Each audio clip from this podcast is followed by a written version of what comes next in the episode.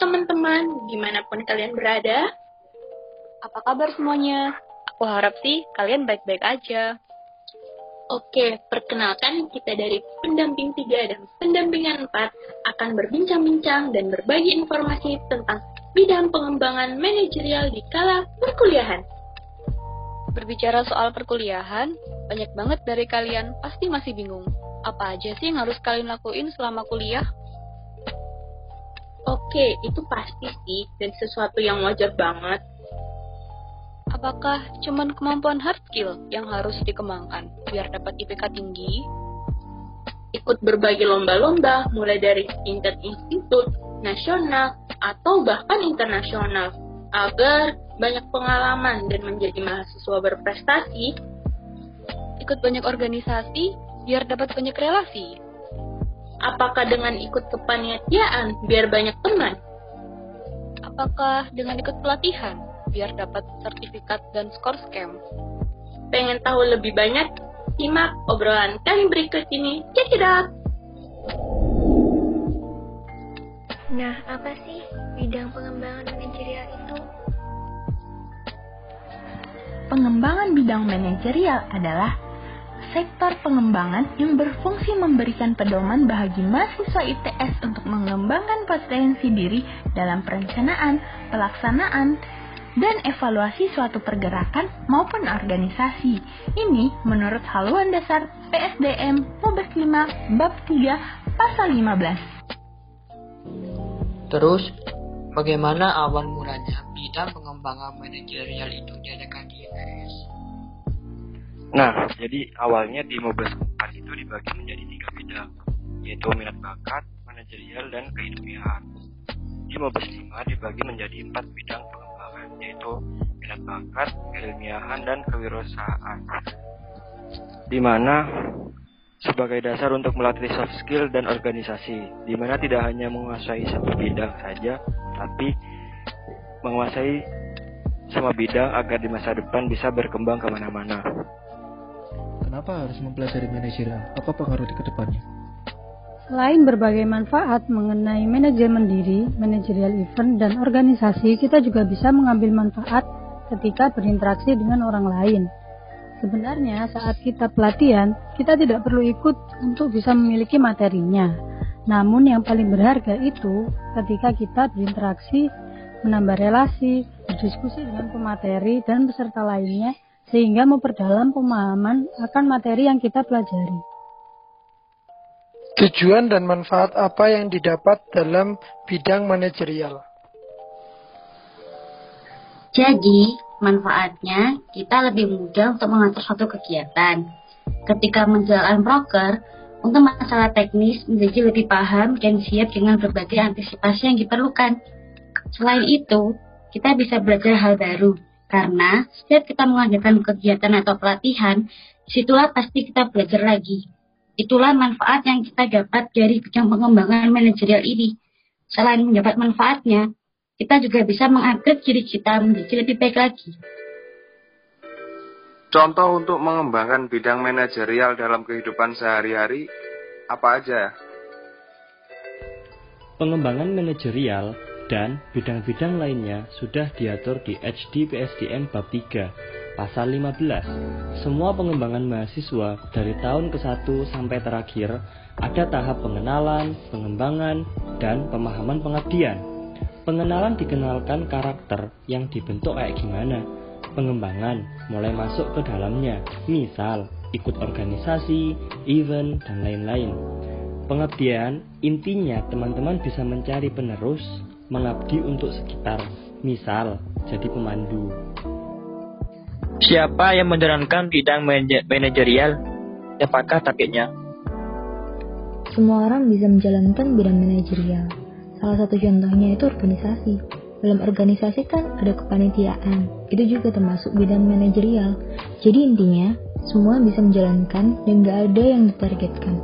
Bidang manajerialnya sendiri itu melatih mengembangkan skill mahasiswa, jadi setiap mahasiswa diberikan bekal. Istilahnya di tahap pertama diberikan bekal agar nantinya bisa aktif mengabdi untuk Ormawa dan lainnya. Nah, mengenai LKMM, jika memang semua bisa menjalankan, Kenapa harus ada proses seleksi? Proses seleksi hanya ada pada tingkat yang lanjut, yaitu tingkat dasar, tingkat menengah, dan tingkat lanjut, TD, TM, dan TL. Pada tingkat dasar yang paling dasar, pra-TD, itu diwajibkan untuk semua mahasiswa. Di sini, semua mahasiswa diberikan bekal dasar mengenai manajerial diri sendiri, karena hal itu adalah hal basic yang harus dimiliki oleh setiap manusia, terutama mahasiswa. Nah, untuk lanjut ke TD, uh, ada faktor-faktor yang harus dipenuhi supaya bisa lanjut ke TD. Faktor-faktor itu antara lain bagaimana pemahamannya selama mengikuti LKMM pra TD, lalu dilihat juga seberapa besar minat terhadap LKMM. Nah, hal itu menjadi faktor salah satu faktor utama yang menjadikan tolak ukur kenapa harus ada proses seleksi. Hal ini juga yang menjadikan uh, eh, LKMM itu jadi ajang untuk terus mengupdate manajemen kita. Lalu, bagaimana sih penerapan bidang manajer dalam kehidupan bermasyarakat? Gampangnya di Karang Taruna, dari apa yang udah kita dapat materi tentang event itu kepake semua. Misalnya, gimana sih cara kita memanajemen kegiatan di Karang Taruna ketika hidup bermasyarakat harus bisa menghadapi orang dengan karakteristik yang berbeda. Itu dijelaskan di materi PTD tentang pengenalan diri. Adakah hal kecil yang dianggap remeh orang-orang tapi itu merupakan hal penting dalam dunia manajerial? Kalau ada, apakah itu? Selama ini, yang dianggap remeh ialah nilai dari sebuah pelatihan yang diadakan, di mana nilai cuma dianggap salah satu syarat. Masih banyak yang menganggap nilai nilai yang ingin dicapai, tanpa mau tahu cara mencapai nilai itu sendiri. Intinya, nilai dari faedah atau filosofi dari kegiatan itu sendiri. Kendala apa sih yang mungkin dialami dalam dunia manajerial itu? Lalu solusinya apa? Kebanyakan hambatannya sih dari diri sendiri. Meskipun kita merasakan acaranya molor dan sebagainya, itu tanggung jawab dari masing-masing per individu. Adapun kegiatannya menjadi tanggung jawab dari masing individu untuk menumbuhkan kesadaran akan berharganya waktu dan juga meningkatkan tanggung jawab per individu. Kalau hubungan dengan akademik, tidak ada, karena selalu menyesuaikan dengan akademik bagaimanapun tujuan kuliah itu akademik. Segala bentuk pengembangan lain itu merupakan hal tambahan.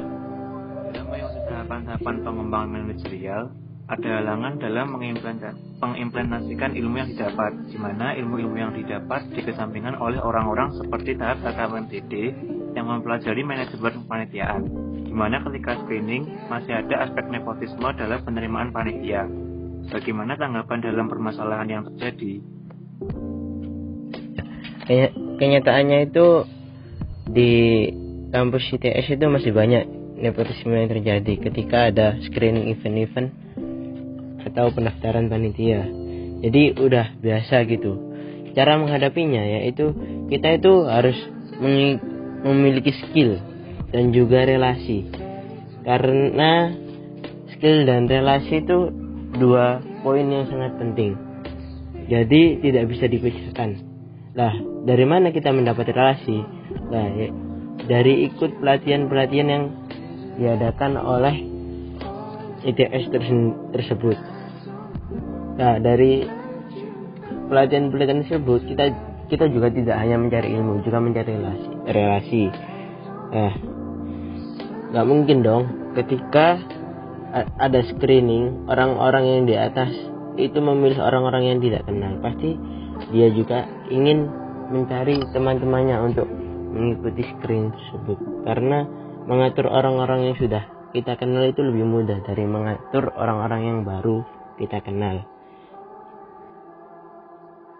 Apa kelebihan yang membuat bidang manajerial memiliki nilai tam, nilai tambahan di bidang-bidang yang lain? Kalau berdasarkan narasumber yang kita wawancarai, yang pertama itu kelebihannya adalah punya tahapan tahapan pengembangan dan alur yang jelas mulai dari pra-TD, TD, TM, dan TL. Semua alurnya itu jelas dan ada tingkatannya dan ada goals di masing-masing tingkatan itu. Yang kedua, ketika sudah sampai di jenjang pelatihan, banyak pemateri yang luar biasa. Menurutku, manajerial itu sangat erat kaitannya dengan LKMM. Yang ketiga itu, manajerial itu jadi bekal dasar untuk bergerak ke bidang-bidang selanjutnya karena manajerial itu sifatnya general atau umum bisa diterapkan dalam seluruh aspek kehidupan. Gitu. Terus dari MDS sendiri, fasilitas yang diberikan di bidang manajerial itu apa aja sih? Kalau fasilitas dari HMDS di bidang manajerial itu ada organisasi jurusan namanya HMDS dan organisasi dakwah yaitu JMAA terus ada lagi event dan kepanitiaan kampus Manyar seperti Defilik, Pondasi, Gradasi, Acak, DS Cup ada juga pelatihan yang bisa diikuti seperti UKKBK, LKMM Pratd, LKMTM, LKMMTL, LKMB, dan masih banyak yang lainnya. Jadi, pada intinya, pengembangan manajerial itu nggak ada batasnya, sehingga membentuk pribadi yang dapat menyelesaikan suatu permasalahan dengan bantuan orang lain. Hari ini membentuk kita untuk belajar mengenai perencanaan, pelaksanaan, dan pengabdian yang didapat saat kita mengikuti organisasi, event, dan kepanitiaan. Itulah bincang-bincang kami. Terima kasih teman-teman telah mendengarkan podcast kami. Jangan lupa kritik sarannya. Dan yang terakhir pesan dari kami, meskipun semester yang akan datang ini kita masih daring, tapi jangan lupa untuk mengembangkan diri kalian di bidang manajerial. Seperti sebentar lagi akan ada oprek kepanitiaan. Kalian bisa join di situ tuh. Infonya secepatnya bakal di-share kok. Terus jangan jadikan pandemik ini sebagai hambatan untuk kalian bertukar pikiran, mengikuti event-event online, dan lain-lain. Silahkan menimba ilmu dan pengalaman seluas mungkin di luar sana. Tapi jangan lupa kampus sendiri, kampus Manyar. Terima kasih. Tetap semangat, jaga kesehatan, dan di rumah aja.